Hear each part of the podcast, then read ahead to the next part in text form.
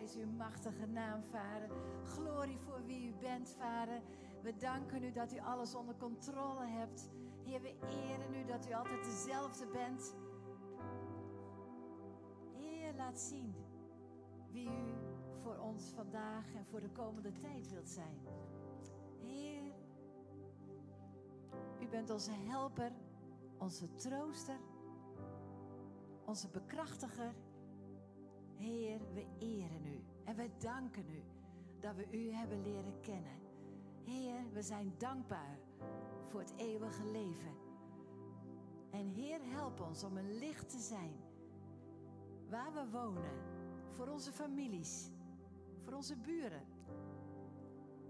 op de universiteit, op scholen, daar waar we mogen wandelen op ons werk. Heer, om u bekend te maken, want u bent het waard dat mensen u groot maken. En u wil niets liever contact met ons allemaal. U wil dat mensen gered worden. Dank u wel daarvoor, Vader. Help ons daarbij. Heer, we prijzen u. Kom met uw Heilige Geest deze morgen. Heer.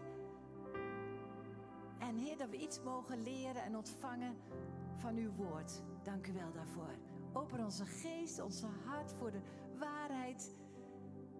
En Heer, we danken u. U bent een goede God.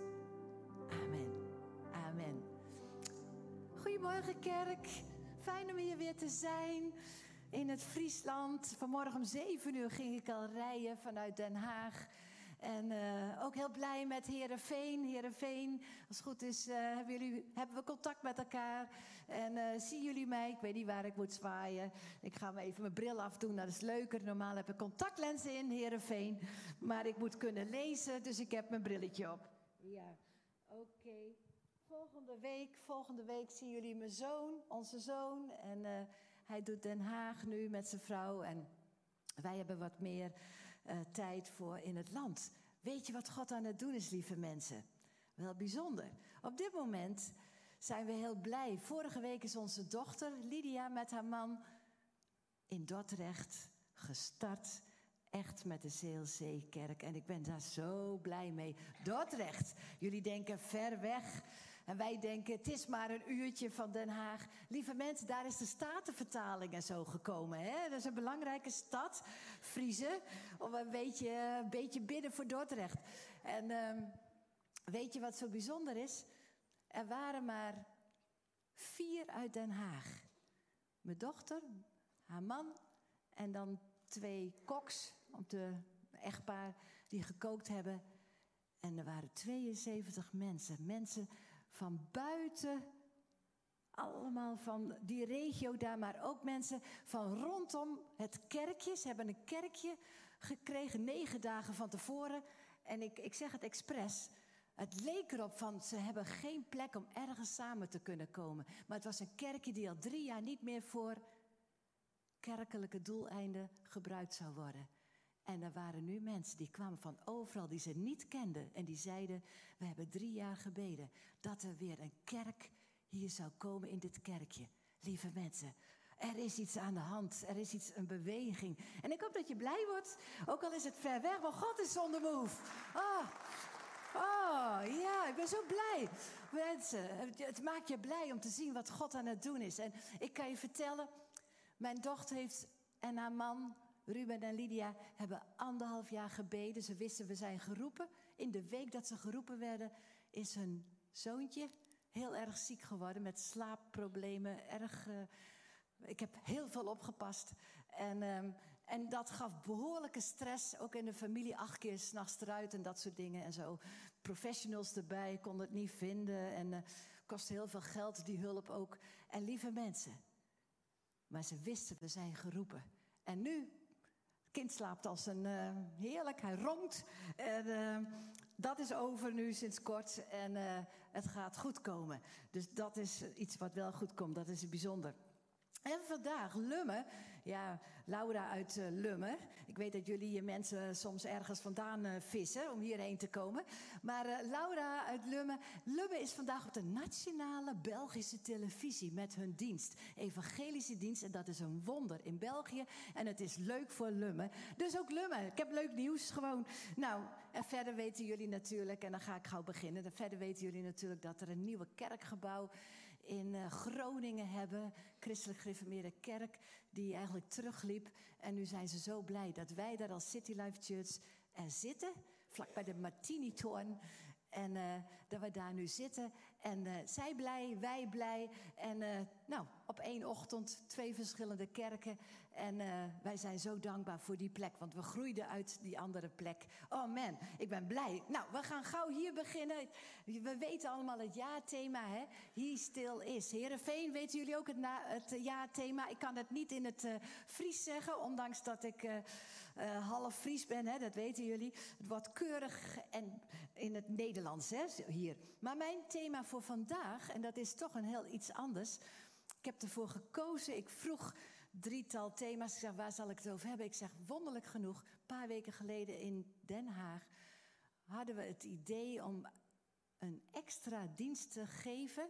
Smiddags, we hebben overdag, s'morgens drie diensten. Maar om smiddags een uh, vierde dienst te doen en dan echt voor mensen die met verdriet te maken hebben, met verlies te maken hebben. Rouw en verdriet. En uh, weet je, dat is eigenlijk mijn thema ook. En ik was verbaasd over wat God aan een hoeveelheid mensen bracht. Maar ook gewoon pijn omdat je je baan verloren hebt. Pijn omdat dingen in het leven anders gegaan zijn. Pijn als single. En ook, hoe ga je ermee om in je familie? En dat soort dingen. En het was een bijzondere tijd. Ze hebben een paar jaar geleden aan mij gevraagd om een avonddienst te houden. Waren meer dan 300 mensen, echt ook voor in de wijk. Om gewoon over dit onderwerp, over rouwen en zo, om het daarover te hebben. En in Den Haag heb ik de meeste begrafenissen gedaan. Ik ben vrouw, ik heb een roze jurkje aan, ik weet het. Maar er, er was iets dat God me soms daar op die plek gebracht heeft. En mijn man heeft me altijd gevraagd: wil jij dat doen? Niet altijd, maar bijna wel. En nu doet uh, mijn zoon het hoor. Dus uh, we zijn een beetje anders gaan doen op dit moment. Maar toch, dan weet je even mijn achtergrond. En ik geloof dat ik iets kan delen waar we allemaal iets aan hebben. En op dit moment uh, ga ik eind van de middag nog bij mijn schoonmoeder langs, die is 92. En misschien is het de laatste keer dat ik bij haar ben. Um, dat ze me nog herkent. Um, de andere in de familie heeft ze niet meer herkend. Onze Erad, mijn man en mij gelukkig wel. En ik kan je vertellen, afgelopen dinsdag heeft ze volledig haar hart aan de Heer gegeven. En dat is een groot wonder. Ze heeft zelfs een soort droom gehad van lichtflitsen. En ze kon één regel zeggen. En ze ging met haar hand onder haar dekbed vandaan. En ze zei, ze heeft haar heup namelijk gebroken. En dat is eigenlijk het hele gedoe. Veel pijnstillers. En toen zei ze, uh, ze kan alleen nog maar liggen. En toen zei ze volledige goede zin van... Ik zie twee lichtflitsen. Is dat de hemel? En ik kan je vertellen, ik vond mijn schoonmoeder een van de moeilijkste mensen mijn hele leven heel lang getrouwd en heel, altijd was het tegen ons, tegen het christelijk geloof, tegen. Het was gewoon. En ze was zo open en ze zei: Ja, ik, ik ga me ervoor klaarmaken. God is goed. Wow. Oh, ja. Eerder was er niet eens bij. Ik had het idee, de Heilige Geest zei: Ga. En wie weet dat jullie komende week of weken of maanden, dat je ergens weet, ga. Ga en ik hoop een paar handvaten te geven over wat God kan doen. Ook waar rouw is, maar ook waar verdriet is. Maar ook in andere situaties. Nou, omgaan met rouw en verdriet. Hebben we allemaal eigenlijk op z'n tijd mee te maken. Ik heb van jullie voorganger eh, Nicola gehoord uh, wat ook hier is gebeurd. En um, ja, ik kom met een Bijbelvers nu. Ja, is het oké? Okay? 1 Kronieken 4, vers 9. En uh, uit de NBV-vertaling. En er staat, Zijn moeder had hem Jabes genoemd, want, zei ze, ik heb hem in pijn gebaard. Moet je je voorstellen, als iemand de naam Jabes krijgt vanaf de babytijd, al krijg jij de label ongevraagd: hey, met pijn. Jij hebt mij pijn gedaan. Jij hebt pijn veroorzaakt. Jij hebt, en je zou zeggen elke bevalling, maar hier is het specifiek dat die moeder het gewoon noemt van, hé hey, Jabes, met pijn gebaard. En dat is niet mooi. Je krijgt dat continu. En dan staat er in vers 10, Jabes bad tot de God van Israël, zegen mij. Wauw. Als jij en ik een label hebben met pijn, met verdriet.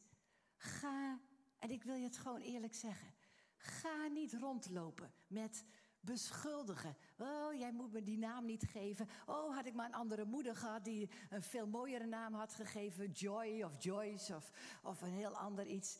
Of ga niet beschuldigen. Ga niet rondlopen klagen. Ga niet negatief zijn. Maar ga bidden. Jabes bad tot de God van Israël. Zegen mij. Man, wat een mooi gebed. Jij en ik mogen bidden in elke situatie.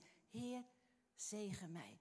Soms gaat het wel totaal anders dan je hoopte, dan je verwachtte, dan je denkt. Maar zegen mij is een goed gebed. Maak mijn grondgebied groot. Oh man. Oh, toen wij dat voor het eerst lazen, maak mijn grondgebied groot. Oh ja, we hebben ook nog een balkon. Sorry, ik kijk een beetje meer daar. Ik ga ook een beetje naar jullie kijken. En um, maak mijn grondgebied groot. Dat kan je bidden. Groot voor je kerk. Hier, Heer, maak ons grondgebied groot. Heer, dat is een belangrijk gebed. Missie voor uitbreiding. Missie voor meer mensen, meer jeugd, meer tieners, meer kinderen meer helpers, meer uh, vrijwilligers, meer misschien betaalden. Maak mijn grondgebied groot. Het is goed om te bidden voor je kerk. Als ik hier wegga, dan is in elk geval, hoop ik, Angelique en uh, Nicola blij. Ja, want ze denken, nou oké, ze gaan bidden. Ja, maar dat deden jullie natuurlijk al, dat wist ik. Ik weet dat jullie heel veel bidden. Den Haag niet, maar hier wordt heel veel gebeden natuurlijk. Elke dag. Ja, ik ben een beetje flauw, hè? Maak mijn grondgebied groot en bescherm mij tegen het kwaad. Hoe goed is dat gebed? Bescherm mij tegen het kwaad. En dan even, jullie zien het waarschijnlijk de tekst lang achter mij. Dat ik heb hem eventjes ook in het Engels, maar even in het Nederlands. Zodat ik geen pijn hoef te lijden. Dat is een beetje misschien een wijs gebed. Misschien ook een beetje een ik-gericht gebed. Heer, en dat is een goed gebed ook, hè, dat ik geen pijn hoef te lijden. Maar in de andere vertaling was heel frappant. Daar staat het, that I may not cause pain. Dat ik niet pijn zal veroorzaken. En ik, ik vind dat een hele diepe betekenis. Heer, help mij dat ik geen pijn zal veroorzaken aan anderen. Ik denk dat Jabes dat heeft gebeden. Heer. Want door de naam van zijn moeder heeft hij toch maar eventjes behoorlijke stempel op zijn leven gekregen, wat niet fijn is. Altijd, elke keer als hij geroepen werd, was hij geconfronteerd met pijn. En hier dat I may not cause pain. Heer, dat ik geen pijn zal veroorzaken. Wauw, wat een gebed is dat, lieve mensen. Dat is krachtig. Ik vind het erg mooi, de New King James Version. Daar staat zelfs ook nog dat uw arm, uw hand mij begeleidt en mij beschermt. Vind ik mooi. Ik moet zeggen, lees verschillende vertalingen. Nou, mijn eerste opmerkingen. Ik heb een aantal opmerkingen naar aanleiding van dit thema. En ik wil eigenlijk gewoon zeggen, Bidden is altijd goed. Bidden kan verschillende uitwerkingen hebben. Soms wel anders. We leven in een gebroken, gevallen wereld. Maar je kan altijd bidden. Je kan altijd bidden om een zegen. Je kan altijd bidden om wijsheid. Je kan bidden om troost. Je kan bidden we hebben net voor het kleintje gebeden die opgedragen werd. Je kan bidden dat het kind zal opgroeien, geen pijn zal veroorzaken, dat het gebied zal verruimd worden, vergroot worden en dat die, hij of zij de hele leven achter u aan zal rennen. In het Engels staat weer rennen. Nou, even dit. God is onze helper. Hij is onze vredevorst. Je kan altijd bidden voor vrede. Je kan altijd bidden om hulp. Ja, dat snappen we, hè? Dus daarom is het best wel een sterke. Ik heb eventjes verschillende fases genoemd van rouwen. Dat is uit het boek van een professional. Zij was in 1969 de eerste begeleidster van mensen die zouden sterven, die eigenlijk in de eindfase van hun leven waren gekomen. En uh, ik heb ook de bron er even bij gezet. Zij is Elisabeth Kupler-Ross. Ere wie ere toekomt. En zij heeft een vijftal, zij was toen de eerste, een vijftal fases even genoemd. En ik denk dat het ons helpt om die fases even te, te zien. En dan ga ik even heel kort door, maar het is wel de eerste fase bij, bij een, een verlies van iemand. En dat is eigenlijk, of bij een verlies ook van een baan, hè, of, of een, misschien een kindje. Het is ontkenning ongeloof. Dat je het eigenlijk niet kan bevatten. Je zit in een ontkenning. Is dat echt zo? Ik kan me niet voorstellen, ik kan het niet geloven. Je verwacht elk moment als je weer in die huiskamer komt dat die persoon er nog is en zit, dat je die nog ziet. Tweede fase, tweede is woede. Het is niet in de volgorde.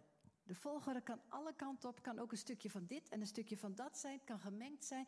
Het is niet in goed fout, het is een herkenning van verschillende reacties van ons als mensen op diepe rouw. Woede. Iedereen zegt, nou, we zijn niet zo gauw boos. Vooral christenen zijn vaak dat ze dat onderdrukken van ik mag niet boos zijn en zo. Maar onderdrukte woede, dat kan ook zijn, Heer, moeten we u niet de schuld ervoor geven? Hoe komt dit? Of Heer, ik begrijp dit niet en eigenlijk ben ik wel een beetje boos op u. Weet je wel, zo de schuld geven naar de artsen toe of wat dan ook. Dat komt ook zo vaak voor. Of hadden we dit maar gedaan of was dat maar gebeurd. Derde, onderhandelen. En onderhandelen is een beetje dat je zegt: Oh, stel je voor als iemand dat medicijn had gehad, dan was het misschien niet gebeurd. Of als we die keus hadden gemaakt, dan was diegene niet op die plaats geweest en was dat ongeluk misschien niet gebeurd. En dus dat bedoelen ze met onderhandelen. De vierde is depressie, dat is wel duidelijk. En een vijfde fase, en dat kan allemaal een stukje een beetje zijn. Hè? Soms 5%, soms 100%, soms 3%, soms 20%. En dat is aanvaarding. Er zijn verschillende fases. Eén ding wil ik wel hierbij zeggen. Het geeft zware vermoeidheid. Lichamelijke klachten soms. Bij mensen die gewoon in een rouwfase of in een verdriet zitten. En ook als je dat als groep hebt of als kerk, herken dat. En, en, en waarom is het goed dat je die fases weet? Dan kan je meeleven. Dat is mijn enige doel waarom ik dit zeg. Mijn tweede opmerking voor vandaag is. Geen regels, heb geen regels of een verwachtingspatroon op iemand die in een rouwfase zit. Van zo moet je rouwen. Mijn moeder, die was 14 jaar geleden is mijn vader naar de Heer gegaan. En mijn moeder, die werd weduwe. En ik ben enig kind, dus als kleine familie. En mijn moeder, die, die ging anderhalf jaar later, kon ze nog iets vertellen alsof het net gisteren was gebeurd.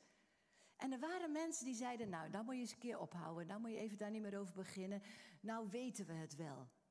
Dus ik gericht. Maar het is een vorm van verwerking om er woorden aan te geven, soms meer bij vrouwen, om er woorden aan te geven en het kunnen delen. Laten wij de genade hebben. Niet de veroordeling, maar de genade. Hé, hey, ik ben er. Ik luister. Ik wil je helpen. Vertel maar. Al is het voor de zoveelste keer. Soms wel, ik denk dat mijn moeder misschien wel 60 keer daarover begon. En opeens was het over en soms kwamen de traantjes en soms ook niet. En weet je, laten wij niet.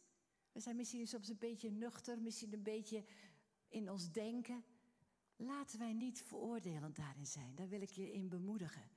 Maar laten we elkaar juist helpen. Als die persoon daar behoefte aan heeft, Prima toch? We zijn er om elkaar te helpen. En uh, ieder mens is namelijk uniek. Iedereen heeft een eigen tempo. Het heeft ook te maken met wat je verleden is, wat je hebt geleerd, met emotieverwerking. Maar ook wel welke dingen heb je nog meer meegemaakt. En ook het lichaam heeft ook tijd nodig om te verwerken. Dus laten we niet onze eigen gedachten en meningen op iemand leggen. Maar laten we een helper zijn. Oké? Derde gedachte. Je hebt een woord, een derde opmerking. Je hebt een woord van God nodig. Oh, lieve mensen, dat hebben we sowieso. Maar ook juist in een tijd van rouw en verdriet. Je hebt een woord van God nodig. Zoek God. Hoe, heb je, hoe krijg je een woord van God? Lees ook de Bijbel of een mooi dagboek of luister naar preken. Het is zo mooi, lieve mensen. Luister naar zijn woord en vertrouw hem. Dat is, dat helpt. Heer, ik vertrouw u, maar we begrijpen het niet. Heer, ik vertrouw u, u blijft dezelfde, maar dit lijkt niet fair, dit lijkt niet eerlijk. Heer, we snappen het niet, we hebben zo lang gebeden. Maar wel, Heer, ik vertrouw u. En weet je, Hij geeft ons altijd troost. Heilige Geest wordt met een andere vertaling parakletos genoemd. En weet je, Johannes 14, kan je thuis nalezen over de Heilige Geest. Heilige Geest is er wel om ons te helpen. En uh, Psalm 23, daar staat, Hij verkwikt mijn ziel. Hoe mooi is dat? Hoe mooi is dat? Dat jij en ik mogen weten. En misschien zit je in een heel goed seizoen. Misschien zit je wel in een lenteseizoen. Wij zitten als kerk in Den Haag in een goed seizoen. Er gebeuren mooie dingen. We hebben nog nooit zoveel aanmeldingen gehad voor Alfa. We hebben nog nooit zoveel mensen gehad die de kerk als welkom thuis willen hebben. We, we zitten in een goed seizoen. Maar een ander zit misschien in een herfst of in een winterseizoen. Persoonlijk of als kerk of als misschien als land, hè, kan ook, welk, welk seizoen zit je. En dan is het dat de dingen wegvallen en, en weg zijn.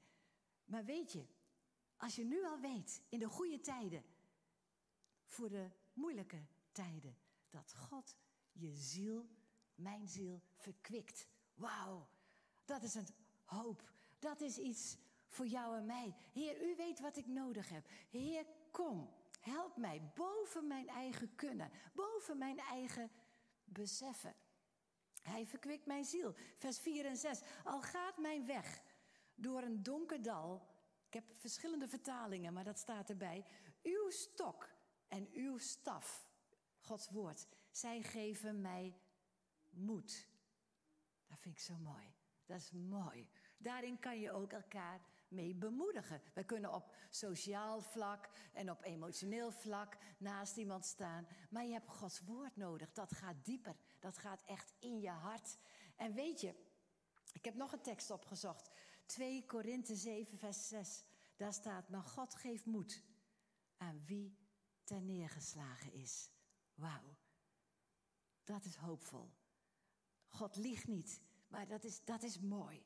En ik hoop dat je dat mag pakken. Ook al denk je, Heer, wat dan, hoe dan? Maar Heer, u wil ik vertrouwen. Dat is soms, vastklampen aan zijn woord. Zijn woord is ook een lamp voor je voet. Het schijnt. Wij willen vaak het einddoel al weten. Dat hebben jullie ook, denk ik. Hè? Ook in Den Haag babbelen ze altijd. Hè? Er zit natuurlijk als regeringsstad. Uh, zijn ze allemaal aan doelen en allemaal aan de stellen. Ze willen allemaal het einddoel. Maar je weet nooit hoe het vandaag en morgen is. David kreeg als einddoel, hij werd gezalfd als koning. Dus hij wist, oké, ik zal een keer koning worden. Hij was nog een schaapherder. Maar de weg er naartoe. Soms weet je niet hoe de weg is in between, daartussenin. Je weet niet de moeilijkheden. David moest zelfs rennen en vluchtte voor zijn leven. Hij moest zelfs de koning, Saul, die wilde hem vermoorden. Hij moest in een spelonk slapen en, om zich te verstoppen. Hij moest vechten om overwinningen te behalen. Hij moest een Goliath verslaan, wat niemand kon. Lieve mensen, de weg, onderweg weten we niet. We weten soms wel het einddoel, maar ertussenin weet je niet. Maar je bent niet de enige. Soms ook maar goed ook, als had je er geen zin in. Ik denk dat mijn vlees zou zeggen, nou heer, dat vind ik niet meer leuk. Koning is leuk, maar uh, al die uh, Goliath verslaan heb ik geen zin in. God kent jou en mij. En uh, ik denk dat onze God wijs is. Wij weten niet wat morgen is, wat volgende week is, volgend jaar is. Maar wat we nu weten, God is bij ons en zijn woord is een lamp voor mijn voet. Dus hij kan ons moed geven. En um, er staat ook geschreven in Psalm 147. Ik hou van teksten, dus ik kom met een stelletje teksten vandaag. Ik doe verschillende teksten, zo zit ik een beetje in elkaar. En uh, ik denk, ik ben er toch één keer, dan geef ik jullie direct een hele rits teksten.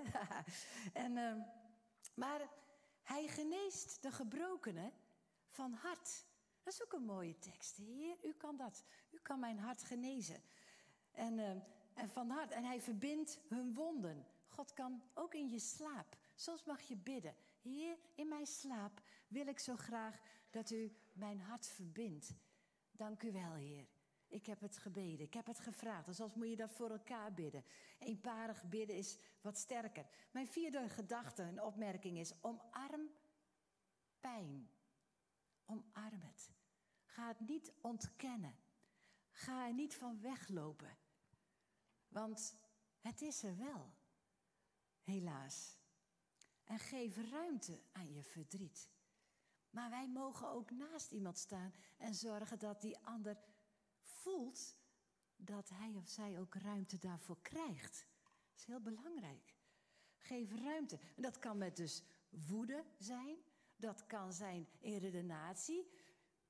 Weet je wel, die fases. Het kan zijn misschien depressiviteitsgevoel, wanhoop, hopeloosheid. Dat kan ook zijn huilen. Niet alleen maar huilen. Hé, hey, Hollanders.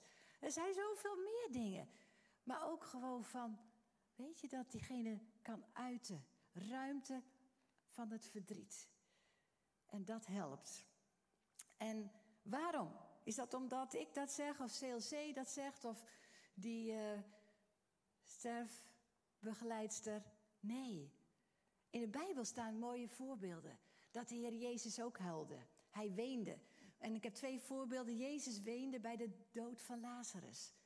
Weet je, hij had kunnen zeggen, hij komt daar bij die zussen van Lazarus. Hij had kunnen zeggen, nou, zo meteen uh, ga ik hem opwekken uit de dood. Klaar, niet huilen. Nee, hij leeft mee met het verdriet van die twee zussen. Dat is wonderlijk. Dat is het karakter van de Heer Jezus. En wij mogen Hem volgen. Dus je mag meeleven met iemand. Ga het ook meehuilen. Jezus weende ook over de stad Jeruzalem. Nou, Johannes 11 hè, en Lucas 19 kan je thuis lekker lezen. Maar hij huilde over, hij wist dat er, wat er ging gebeuren. Hij wist van tevoren al wat er ging gebeuren in Jeruzalem. En hij, hij was bewogen. Hij huilde. Lieve mensen, liefde is zo belangrijk. Zo belangrijk. Daarom is een kerk is niet van, oh nou ja, kennis en we horen weer een preek en straks zijn we het weer vergeten en dan wordt volgende week weer wat anders. Nee, het geeft leven, hulp. Hou vast in je eigen leven, dagelijks. Van, uh, nou, mijn vijfde opmerking. God leidt je ook in dalen.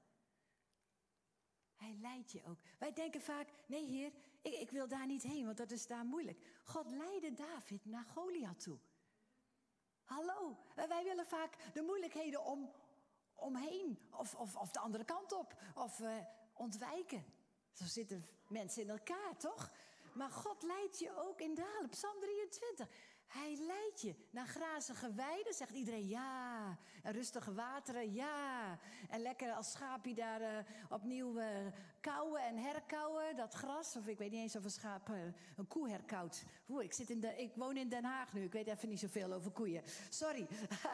maar God leidt je ook, ik weet niet, van schapen, ik heb er niet zo in verdiept. Maar ik weet wel dat de eerste lammetjes geboren zijn in Nederland. Maar God leidt je ook in dalen, lieve mensen. God leidt je in dalen, maar niet om daar te blijven. Je mag dan doorwandelen in dat dal. En ik heb nu een andere vertaling. God leidt je ook in dalen met schaduwen des doods. Waar dood helaas er is. Er is een vijand in de wereld. En dat is waardoor de dood ook komt, helaas. Ziektes, dood. Zesde opmerking. En ik kan dat heel grappig zeggen, ik kan het heel serieus zeggen, maar God snoeit. Knip, knip, knip, knip, knip. God snoeit. Ja, als je een christen wordt, dan denk je, oh, nu is alles fijn. En je wordt gedragen als babychristen en zo. Je maakt de keus, Heer. Ik wil niet meer voor mezelf leven, Heer, hier ben ik. Nou, dat lijkt allemaal heel mooi. Maar God snoeit. En dat is knip, knip, knip. En dat is niet alleen maar de dorre bladeren. We worden vergeleken als de... Hij is de landman en dan eh, heb je de wijnstok en de ranken. Wij zijn de ranken, hè? En dan weet je, lieve mensen... En dit is geen Bijbelbelt. Iets meer Bijbelbelt wel trouwens dan, dan Den Haag. Wij waren afgelopen donderdag waren we wel in de Bijbelbelt. Wij waren in Nijkerk voor bepaalde redenen. En om één rotonde waren vier grote kerken. En wij zeiden, man, dit is toch wel echt Bijbelbelt. Eén rotonde. Nou, in Den Haag hebben we verschillende dingen. En we hopen dat daar een kerk is. Maar het ding gewoon, ja, je bent ook al gekomen, dankjewel. en, uh, maar mijn ding is, God snoeit. Lieve mensen, knip, knip, knip. De landman wil je snoeien om mij pijn te doen? Om ons pijn te doen? Nee, opdat we meer vrucht zullen dragen. En nou is door takken, snappen we. Wat verkeerd is, dat wordt ge... Heer, dat gaat weg. Maar nou wordt het moeilijk. Als jij gesnoeid wordt wat goed was. Wow! Maar God wil vermenigvuldigen. En die wil meer vrucht. Dus ook goede dingen worden gesnoeid. Hallo? Nou, de Hagenezen snappen dat niet goed, want we hebben allemaal beton en zo. Maar we zitten zelf ook in een huis, een tussenwoning met boven en, en onder ons mensen en zo. En uh, een appartement. Helemaal prima, helemaal dankbaar ervoor hoor, daar niet van. Maar jullie hebben meer groen en jullie snappen meer van het snoeien. Maar snoeien is wel knip, knip, knip. En dat doet pijn. Au, au, au. En echt. En dat willen we vaak ook niet. En ik wil je gewoon zeggen, God snoeit. Knipseizoen. Misschien zit je wel in een knipseizoen. En dat doet ook pijn. Dat doet gewoon pijn. Ondersteun elkaar. Bemoedig elkaar. Het is tijdelijk enzovoort. Ja? Zevende opmerking. Ik heb er nog tien. Nee hoor. Zevende opmerking. Verwacht dat God je kan helpen. Gewoon verwacht dat. Heer, ik ben niet alleen. U bent mijn vader. U bent bij mij. U hebt uw Heilige Geest gegeven voor in mij. Om uw denken te krijgen. Om uw troost te krijgen. En ik bedoel niet pijn weg. Dat bedoel ik niet. Want je hebt een rouwtijd nodig. Maar verwacht dat God je wel kan helpen. Ik heb een mooi voorbeeld. Hanna. Hanna. Uit de Bijbel. Hanna had grote problemen. Hele grote problemen. En weet je, zij had een keus. Dan ga ik naar het huis van God. Ze ging naar de tempel. Hoe goed is dat als wij problemen hebben? Dat we niet thuis gaan zitten, niet in isolement, maar dat je zegt: Oké, ik ga naar het huis van God. Ik zoek medechristenen op. Dat is goed. Nou, Hanna deed dat. En dan spreekt God. Dat vind ik zo mooi. En ik wil je één ding zeggen. God spreekt zelfs door Elis, door een Eli, een priester. Hij spreekt zelfs, en dan denk je, ja natuurlijk, nee. Eli wordt gestraft vanwege, hij had het niet goed gedaan, bepaalde dingen. Dus God spreekt zelfs door mensen heen die fouten maken. Wij allemaal. Wij allemaal. God kan door mensen ook heen spreken. Zelfs door Eli's heen. Als hij door een Eli heen... Wij denken, ja, Samuel, dat wil je wel. Maar hij spreekt ook door Eli heen. Ja, dus dat is het verhaal van Hanna. Dus verwacht dat God spreekt. Verwacht dat God kan helpen. Verwacht dat God ons raad en advies geeft. Ik heb nog een voorbeeld. En ik weet, jullie hebben, ik weet niet of je hier een Hanna in de kerk hebt, maar ik heb nu een voorbeeld van een Eva. Hier zit wel ook een Eva in de kerk. En uh, ik doe, het is een mooi verhaal, Eva. Eva had hele grote teleurstellingen. Eva uit de Bijbel. Eerste boek uit de Bijbel, Genesis. In Den Haag moeten we altijd zeggen waar het staat en hoe. Want we hebben zoveel mensen die gewoon God niet kennen. En de laatste maanden komen gewoon heel veel onbekeerden bij ons de kerk binnen. Eva had een grote teleurstelling, een groot verdriet. Ze had een hele grote ontmoediging. En weet je, haar twee zonen, en de ene, Kain en Abel, en we kennen misschien het verhaal, de een slaat de ander dood. De eerste dood van een mens in de Bijbel verteld. En weet je, op dat moment raakte Eva beide zoons eigenlijk kwijt. De een was er niet meer, die was dood, Abel. En Kain kreeg als straf om rond te zwerven, om weg te. Hij moest weg. Dus hij raakt twee zonen kwijt in één moment. En nou komt het antwoord van Eva, en ik vind het een hele diepe uit de New King James Version. For God has appointed another seat for me. En ik wil dit niet goedkoop zeggen, niet makkelijk, maar zij spreekt uit, mijn God. Hij heeft uiteindelijk, want het is een paar hoofdstukken later, hij heeft iets nieuws voor mij. Een nieuw zaadje, een nieuw leven, een nieuw begin, een nieuwe geboorte. Hij heeft iets nieuws voor mij. Wauw, dat mag jij bidden, dat mag ik bidden. Op momenten hij zegt, Heer, ik heb u nodig, zegen mij, geef mij een nieuw zaad. En dan komt mijn achtste opmerking, ik vertrouw mijn God. Dit is niet het einde. Je zit nog hier op, op aarde.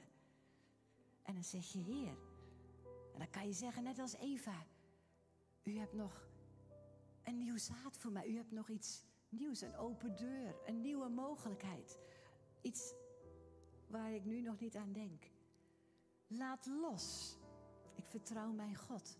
Laat soms los wat niet werkte, wat verdrietig was. Misschien je oude baan, misschien die nare baas, misschien die vervelende buren, misschien wat allemaal misging. Laat los wat niet werkte, wat verdrietig was. Maar Heer, hebt u ook weer een nieuwe mogelijkheid voor mij? Negende opmerking. God is onze hoop. Ah, lieve mensen, we gaan niet klaagliederen lezen. Maar uit de message, en misschien ken de message vertaling niet zo. Ik weet niet of Friese veel Engels lezen. Maar dit is wel. Hou een beetje blij kijken naar mij hoor. hey, ik ben bijna klaar, want anders blijf jij zo lang pingelen.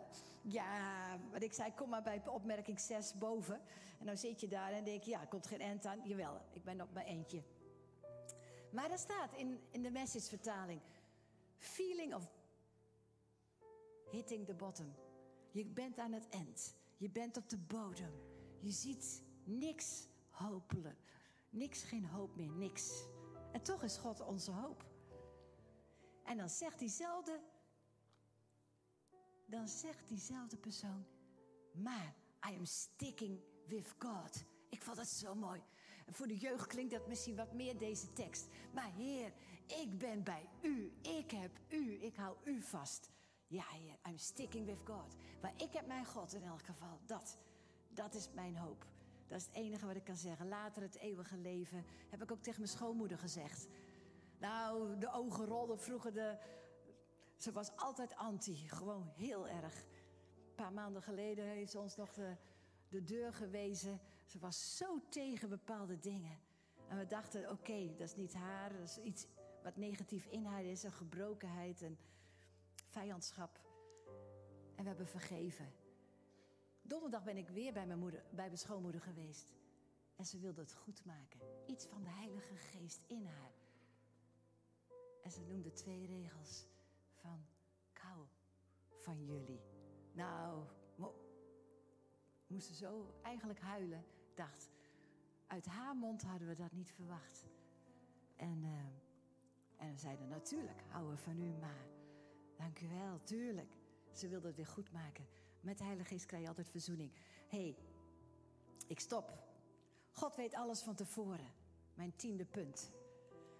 Hij weet alles van tevoren en hij weet wat erna komt. Gelukkig wel. En uh, David verloor zijn zoon, de eerste zoon. Hij was getrouwd met Bethesda. Daarvoor was een moord gekomen en een heel verhaal. Maar David uit 2 Samuel 12, die zegt als hij zijn zoon verliest, ik zie hem hier niet meer terug op aarde, maar ik zie hem later terug in de hemel. Mooi, mooi, mooi om dat te zeggen ook tegen mensen later. Ik heb tegen mijn schoonmoeder gezegd, tegen mijn vader gezegd, tegen mijn moeder gezegd. Later zien we elkaar weer terug in de hemel. En staan we naast elkaar God groot te maken. Nieuw lichaam. Dat is onze hoop. Mensen uit de kerk, die zie je later weer terug in de hemel. De laatste dingetjes over Davids rouwproces. En dan ben ik klaar. Ik heb geen tijd hier, maar ik ben bijna klaar. Rouw. Dus David rouwde, zijn rouwproces. Eén, hij rouwde. Twee, hij stond op. Op een bepaald moment stond hij op. Hij bleef niet in die rouw. Hij stond op. En hoe snel dat is, dat mag jij bepalen. Hij stond op. En dan derde, hij ging naar het huis van God. En ging God aanbidden. Mooi, ik vind dat zo mooi. En dan, de Statenvertaling staat dit trouwens. Een vierde, hij reikte uit naar anderen. Hij ging zijn vrouw troost geven. David ging zijn vrouw Bethesda troosten. En nou de vierde punt. Vijfde, laatste. Hij ging door met zijn leven. Hij had weer seks en hij kreeg Salomo. Daarmee wilde ik stoppen. Want, en dan ga ik ook bidden. Mijn kracht.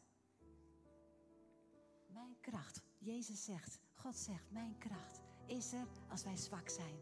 Dat is die mooie tekst wat nu even achter mij komt. Mijn kracht openbaart zich juist ten volle wanneer iemand zwak is. En ik hoop daarmee even af te sluiten in uh, 2 Korinthe 12. Ik heb veel teksten genoemd, maar het is eigenlijk om jou en mij te helpen. Zullen we even bidden? Zullen we gewoon bidden? Ik hoop dat Veen eventjes er nog bij blijft, ook om te bidden. Is dat goed? Oh, daar zie ik de tijd. Ja. Vader in de hemel, hier komen we bij elkaar. Heer, we hebben allemaal met dingen te maken. Met verlies. Juist hier ook als kerk. Vandaag. Maar Heer, ik bid u voor de nabestaanden. En voor ons allemaal waar we dat meemaken, of misschien gaan meemaken. Heer, ik wil kunnen zeggen, I stick with my God. Ik wil met u zijn. Ik wil een woord van u hebben. Ik wil uw hoop hebben. Ik vertrouw u, Heer. Heer, kom met troost. Kom om mijn hart te verbinden. Heer, in mijn zwakheid ben ik sterk met uw kracht. Heer, kom. En ik dank u voor het, het jaarthema.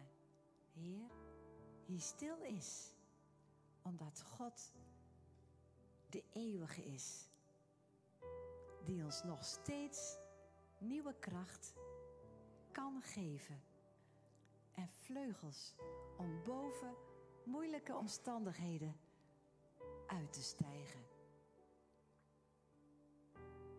Ik citeer jullie voorganger Nicolaas. Dank u wel daarvoor, Heer. U bent wie u bent. Ik vertrouw u.